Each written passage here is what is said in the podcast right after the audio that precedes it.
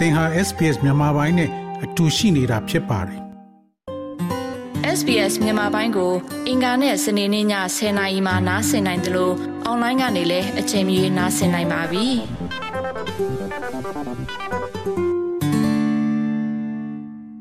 တောတောင်တွေထဲထွက်ပြေးတိမ်းရှောင်နေရတဲ့အပူပိုင်းဒေသကပြည်သူတွေအတွက်တော့တပူပေါ်နှစ်ပူဆင်ခဲ့ရပါပြီ။ နေ့စဉ်စစ်ကောင်စီတပ်တွေရဲ့ရန်ကိုရှောင်ရှားဖို့တောတောင်တွေထဲခိုအောင်နေရင်ပဲငွေပူရကင်းမောက်ဆိုတဲ့စကားပုံကိုလက်တွေ့ကြကြရင်ဆိုင်နေကြရတာပါတောတောင်တွေထဲထွက်ပြေးတိတ်ရှောင်နေကြရတဲ့စကိုင်းတိုင်းမကွေးတိုင်းကယားပြည်နယ်ဘက်ကဒေသခံတွေဟာအခုလိုရာသီမှာမွေအန်ရီကိုပါတတိထားနေကြရတာဖြစ်ပါတယ်ဒေတာအခေါ်အရာပိုးထိပြီးဆိုသူတို့အတွက်အရင်အခြေအနေတွေလိုငွေစိတ်ဖြည့်စည်းအလွယ်တကူရနိုင်တဲ့အနေအထားမဟုတ်တော့ပါဘူး။ စစ်ကောင်စီတပ်တွေရဲ့လမ်းပိတ်ဆို့မှုတွေကြောင့်ဆေးရရှိမှုဟာလည်းနှောင့်နှေးတဲ့အခြေအနေတွေနဲ့ရင်ဆိုင်ကြုံတွေ့နေကြရပါတယ်။စကိုင်းတိုင်းဒေသကြီးကျွန်းလာမြို့နယ်ဘက်မှာမွေကြိုက်ခံရတာဒီတလအတွင်းမှာပဲအယောက်30လောက်ရှိနေပြီးအများစုကတော့အစိတ်ပြင်းတဲ့မွေဝေးအမျိုးအစားအကြိုက်ခံခဲ့ရတဲ့အခြေအနေပါ။ဒါတော့စစ်အာဏာသိမ်းကာလမို့စနစ်တကျစည်ရင်းမပြုစုထားနိုင်တဲ့အတွက်အခုခောက်ယူထားတဲ့အချက်လက်ထက်ပိုများနိုင်တယ်လို့ကျွန်းလာဒေသခံတူကပြောပါတယ်။ စကစ ဒီအာဏာသိမ်းတာနဲ့ ပတ်သက်တဲ့အခါကျတော့ဒီနောက်ထပ်ဆိုးကျိုးတွေပေါ့နော် ဆိုးကျိုးတွေကဟိုပိုးထိတဲ့လူနာက အရှိန်ဟိုမြင့်တက်လာတဲ့ အနေအထားမျိုး ဖြစ်သွားတာပေါ့နော် အဲ့ဒီဟာကတော့ ကျွန်တော်တို့ ခါတိုင်းကတော့ ကျွန်တော်တို့ ဒီအဲတောင်သူရလို့လို့ဆိုတဲ့ အနေအထားမျိုးကိုပဲ ထိတာပေါ့နော် အခုကတော့ ဒီစစ်ဆောင်ရင်းဆိုတဲ့အခါကျတော့ ပြည်သူတွေက ဒီတိုးတွေတောင်နေတဲ့တိုးတဲ့လူဦးရေပူများလာတာပေါ့နော် ဒါကတော့ဟိုဟိုနေ့လည်းဖြစ်နိုင်တယ်လို့ညလည်းဖြစ်နိုင်တာပေါ့နော် အဲ့လိုဆိုတဲ့အခါကျတော့ အချိန်ကြီးအချိန်ကြီးအဲ့လိုမျိုးကျွန်တော်တို့ပြေးလွှားတဲ့အခါကျတော့ကအဲ့တော့ ဒီဟာနဲ့ပတ်သက်ပြီးတော့မှဒီအရှိန်အဟုန်မြင့်လာတဲ့အနေအထားမှာရှိပါတယ်ဒီပူးထီးတဲ့လူနာဦးရေအတွက်ကတော့လေအဲဒါမို့ဒီဆေးဝါးကတော့ကျွန်တော်တို့ဟိုဟိုလိုအပ်တဲ့လောက်လဲကျွန်တော်တို့ကမရှိသလိုမရှိတဲ့ကြာဒီထိန်းယုံလောက်ပဲကျွန်တော်တို့ကုရတဲ့အနေအထားမျိုးဖြစ်တာကြဆေးတလုံးကိုပုံမှန်အားဖြင့်ရှိမယ်ဆိုရင်ကျွန်တော်တို့9000ခွဲ8000 9000ဆိုတာသိပုံပါပဲဒါပေမဲ့အဲပုံမှန်မဟုတ်တဲ့လမ်းကြောင်းတွေဖြစ်သွားတဲ့အခါကျတော့အချိန်ကြီးကြာတဲ့အခါကျဒီလိုမျိုးကျွန်တော်တို့ကတကြိမ်ကျော်လောက်ပေးရတဲ့အနေအထားမျိုးကိုရှိတယ် အဲ့ဒီကျွန်းလှဒေတာကပိုးထိခံထားရတဲ့အသက်14နှစ်အရွယ်ယောက်ျားလေးတူဟာလည်းမွေစိတ်ဖြည့်စေးအလွယ်တကူမရရှိတဲ့အတွက်ကြောက်ကတ်ထိကြိုက်ခဲ့ပါတယ်။လက်ရှိမှာမွေစိတ်ဖြည့်စေး BPI မျိုးစားဆေးအလုံး30လောက်ထိုးနှံခဲ့ရပြီးရန်ကုန်ဘက်မှာဆေးကုသခံခဲ့ရက90ရာခိုင်နှုန်းလောက်အထိတက်တာနေပြီလို့သိရပါတယ်။ သွားလာရခက်ခဲတဲ့နေရာဒေသဖြစ်တဲ့အပြင်ဈေးကြီးပေးဝယ်ရတဲ့ငွေစိတ်ဖြည့်စေးကို ပြည်သူကန့်လက်တွေနဲ့ပဲဖြည့်ရှင်းနေကြရတာပါ။ဒါအပြင်တောတောင်တွေထဲထွက်ပြေးတိမ်းရှောင်နေရတဲ့ပြည်သူတွေအနေနဲ့လွယ်လင့်တကူစေးရုံစေးကံမသွားနိုင်ကြတဲ့အပြင်အဲ့ဒီနေရာတွေရောက်ရင်လည်းလုံလောက်တဲ့ကျန်းမာရေးစောင့်ရှောက်မှုမရတာကာကွယ်ဆေးအဆင့်အသင့်မရှိတာတွေရင်ဆိုင်ကြရတာမို့စေးမီတူနီးတွေနဲ့သာကုသနေကြရတာဖြစ်ပါတယ်။ အဲ့ဒီလိုကုသကြရတဲ့အခါအစိတ်ပြက်ပြီးနောက်ဆက်တွဲအမြင်အာရုံမှုံဝါလာတာ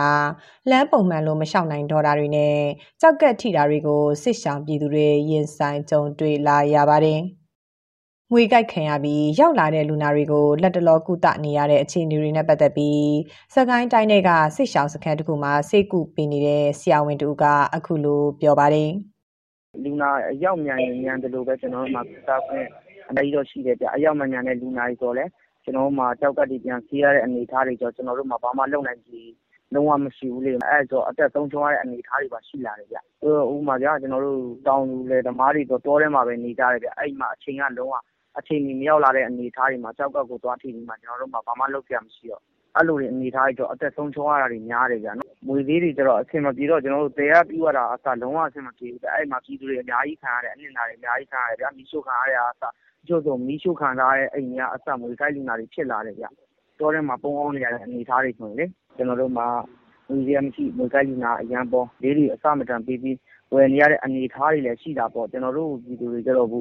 ပရဟိတလုပ်ငန်းနဲ့ တဖက်နဲ့လည်း ကြည့်ရတယ်ဗျ။ကျနော်တို့ ဥပမာဗျာ တသိန်းခွဲလောက် အဲလောက်ထိ ဝယ်ရတယ်ညာလည်းပဲ ကျနော်တို့ ပြည်သူတွေကို ၈ သောင်းနှုန်းနဲ့ ကျနော်တို့ ပြန်ဖြန့်ပေးတယ်ဗျ အဲလို အနေအထားလေးတွေတော့ ရှိတယ်ဗျ ပုဂ္ဂလိကနဲ့ ကိုယ်ထူကိုယ်ထ အနေအထားပဲ ရှိတယ်ဗျ ကျနော်တို့ဘက်မှာ အရန်ခက်ခဲလွန်းသွားပြီဗျနော် အစိတ်ရှိတဲ့မွေတွေကိုအပူပိုင်းဒေသတွေဖြစ်တဲ့စကိုင်းတိုင်းမကွေးတိုင်းတွေမှာအများဆုံးတွေ့ရပြီးမွေဝေးအမျိုးအစားအပေါက်ခံရသူတွေများပါတယ်စစ်တမ်းတွေအရမြန်မာနိုင်ငံမှာမွေကြိုက်ခံရရင်90ရာခိုင်နှုန်းထိကအဲ့ဒီမွေအမျိုးအစားအကြိုက်ခံရတာပါမွေစိတ်မပြတ်မဲအသက်အန္တရာယ်ဆုံးရှုံးမှုတွေမဖြစ်အောင်ရှေးဦးတူနာပြုနည်းတွေနဲ့ကုသပြီးစေးရုံစေကံတွေကိုအမြန်ဆုံးပို့ကာကွယ်ဆေးထိုးကြရပါတယ်။ မွေစိတ်ဖြည့်စေးကလည်းအိန္ဒိယနိုင်ငံထုတ် BBI မျိုးစားဖြစ်ပြီးစေးသုံးလုံးကနေလိုအပ်ရင်10လုံးအထက်အထိထိုးကြရတာပါ။မြန်မာနိုင်ငံမှာအာဏာမသိမ်းခင်ကစေးတလုံးကိုကြက်6000လောက်ပေးရပေမဲ့လက်ရှိကုန်စည်နှုန်းတက်ပြီးတွာလာရေးခက်ခဲတာကြောင့်တလုံးကိုကြက်တသိန်းခွဲအထိပေးသုံးနေကြရပါတယ်။ စေးတလုံးဝယ်နိုင်ဖို့တော့ခက်ခဲနေတဲ့ပြည်သူတွေအတွက်တော့စေးကြီးပေးဝယ်ပြီးအလုံးရည်များများမထိုးနိုင်လို့အသက်ဆုံးရှုံးမှုတွေလည်းဖြစ်နေတာပါ။အိုးအိမ်ဆုံးခွာပြီးတောကြောင်နဲ့ဆစ်ဆောင်နေရတဲ့ပြည်သူတွေနေမကပဲမြို့ပေါ်တဲ့စေကူတာဖို့ခက်တဲ့ပြည်သူကာကွယ်ရေးတပ်ဖွဲ့တွေအတွက်လည်းမွေကြိုက်ခံရတာမျိုးတွေရှိတာကြောင့်ဆေးတွေရရှိဖို့လိုအပ်နေပါတယ်။စကိုင်းတိုင်းပလဲမြို့နယ်ကပြည်သူကာကွယ်ရေးတပ်ဖွဲ့တာဝန်ခံတူက စစ်ကူတာမှုပိုင်းရင်တော့ပေါ်ရလာရတော့ခက်ခဲတာပေါ့ကျွန်တော်တို့ဒီမှာရှိတဲ့ပေါ်ရင်တော့ဒီကိုဘက်ကနေဖန်တီးထားတဲ့စီးကနေရှိနေတယ်လို့လဲအဲဒါတွေကလည်းကုလိုတလောက်ထီအောင်တော့စုပ်ပြီးမကူတာနိုင်ဘူးပေါ့နောက်ကျွန်တော်တို့မြို့နယ်ကျတော့ကျမရေးနဲ့ပတ်သက်တဲ့တကယ်ကုသနိုင်တဲ့ဆရာဝန်ကြီးရဲ့လူက လောလောဆယ်ကျမရေးနေနဲ့ကောင်းတယ်မပေါ်နိုင်ဘူးအရက်သားဖြစ်နေဆိုရင်တော့မဖြစ်မနေစုံစားပြီးတော့ဆေးရုံဆေးကံကိုသွားလို့ရပါမယ်လက်နက်ကိုင်ဖွဲ့စည်းဆိုတော့ပို့ပြီးတော့ခက်ခဲတာပေါ့ဒီလိုကပ်ပြီးဆိုရင်တော့အဲ့ဒါတော့ဘယ်မှသွားလို့မရဘူးကိုနဲ့ဆက်ဆက်တဲ့ကိုနဲ့နယ်ညီလွတ်ရတယ်ပဲကုသမှုပြီးလို့ရတာပေါ့အဲ့လိုမျိုးပဲရှိတယ်ငွေရတော့အခုတော့တော်တဲ့နေတဲ့အခါကျတော့ပို့ပြီးတော့ရှိလာနိုင်တာပေါ့ဗျာမရှိနေတာတော့ဒါပေမဲ့ကျွန်တော်တို့ကဒါကိုတားဆီးဖို့ဆိုတာတော့ခက်တယ်ဗျဓာတုအနေထားအရာဒီအသက်တော်တွေကလည်းကျွန်တော်တို့ကပြင်ရပြင်လို့လည်းသူကရင်းပြကျွတ်သွားတာလည်းမဟုတ်ဘူးလေရှိနေကြမှာ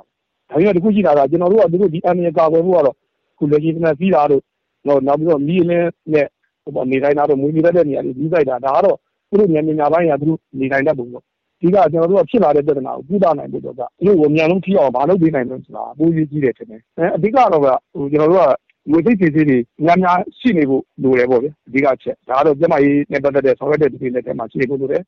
အာနာသိန်းကာလာတစ်နှစ်ခွဲကျော်အတွင်းစစ်ကောင်စီတပ်ဖွဲ့ဝင်တွေရဲ့ကြေးရွာတွေထဲဝင်ရောက်မိရှုမှုကြောင့်ဒေသခံတွေရဲ့နေအိမ်3600ကျော်ပျက်စီးဆုံးရှုံးခဲ့တယ်လို့ပြီးခဲ့တဲ့လအထိ ISB မြန်မာထုတ်ပြန်တဲ့စီရင်မှာဖော်ပြထားပါတယ်။မိရှုဖျက်ဆီးခံရတဲ့နေအိမ်ပျက်စီးမှုအချက်လက်တွေကိုကောက်ယူနေတဲ့ Data for မြန်မာစီးရင်တွေအရာလဲ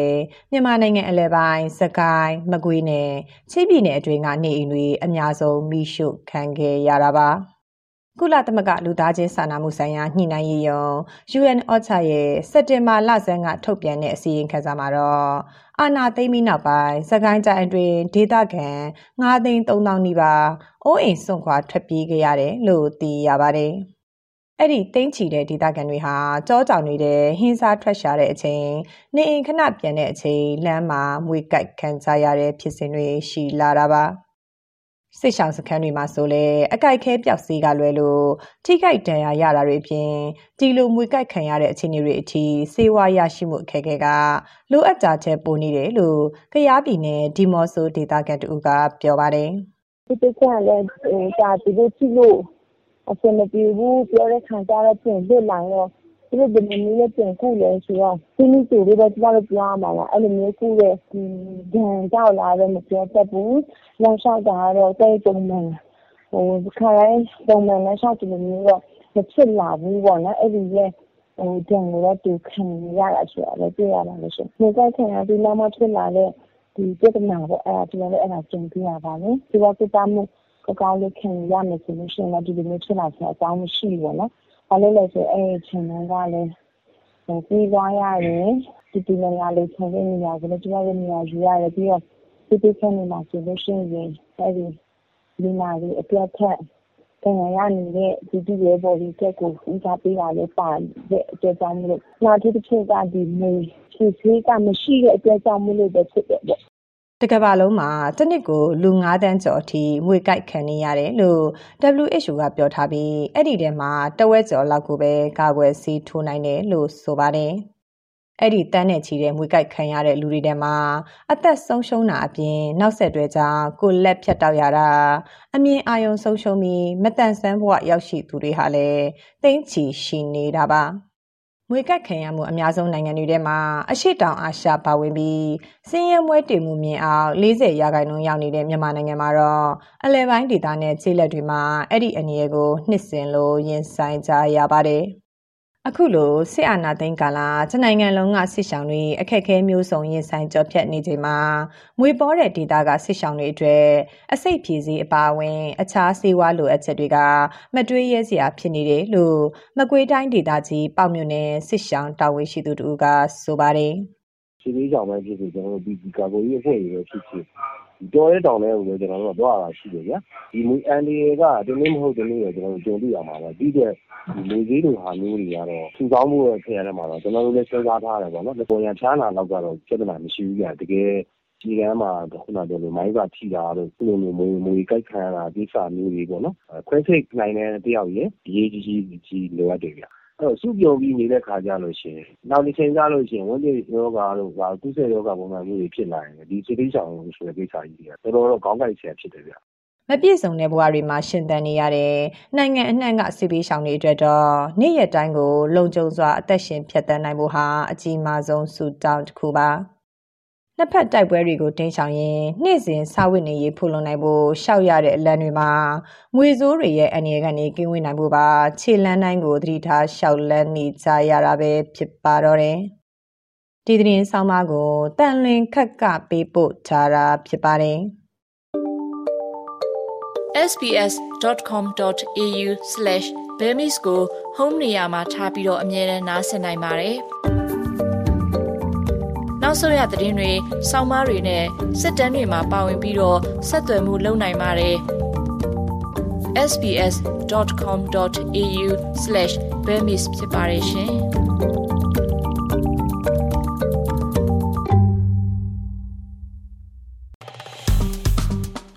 SPS မြန်မာပိုင်းကို Facebook ပေါ်မှာ like ရှာပြီး like မျှဝေမှတ်ချက်ပေးပါ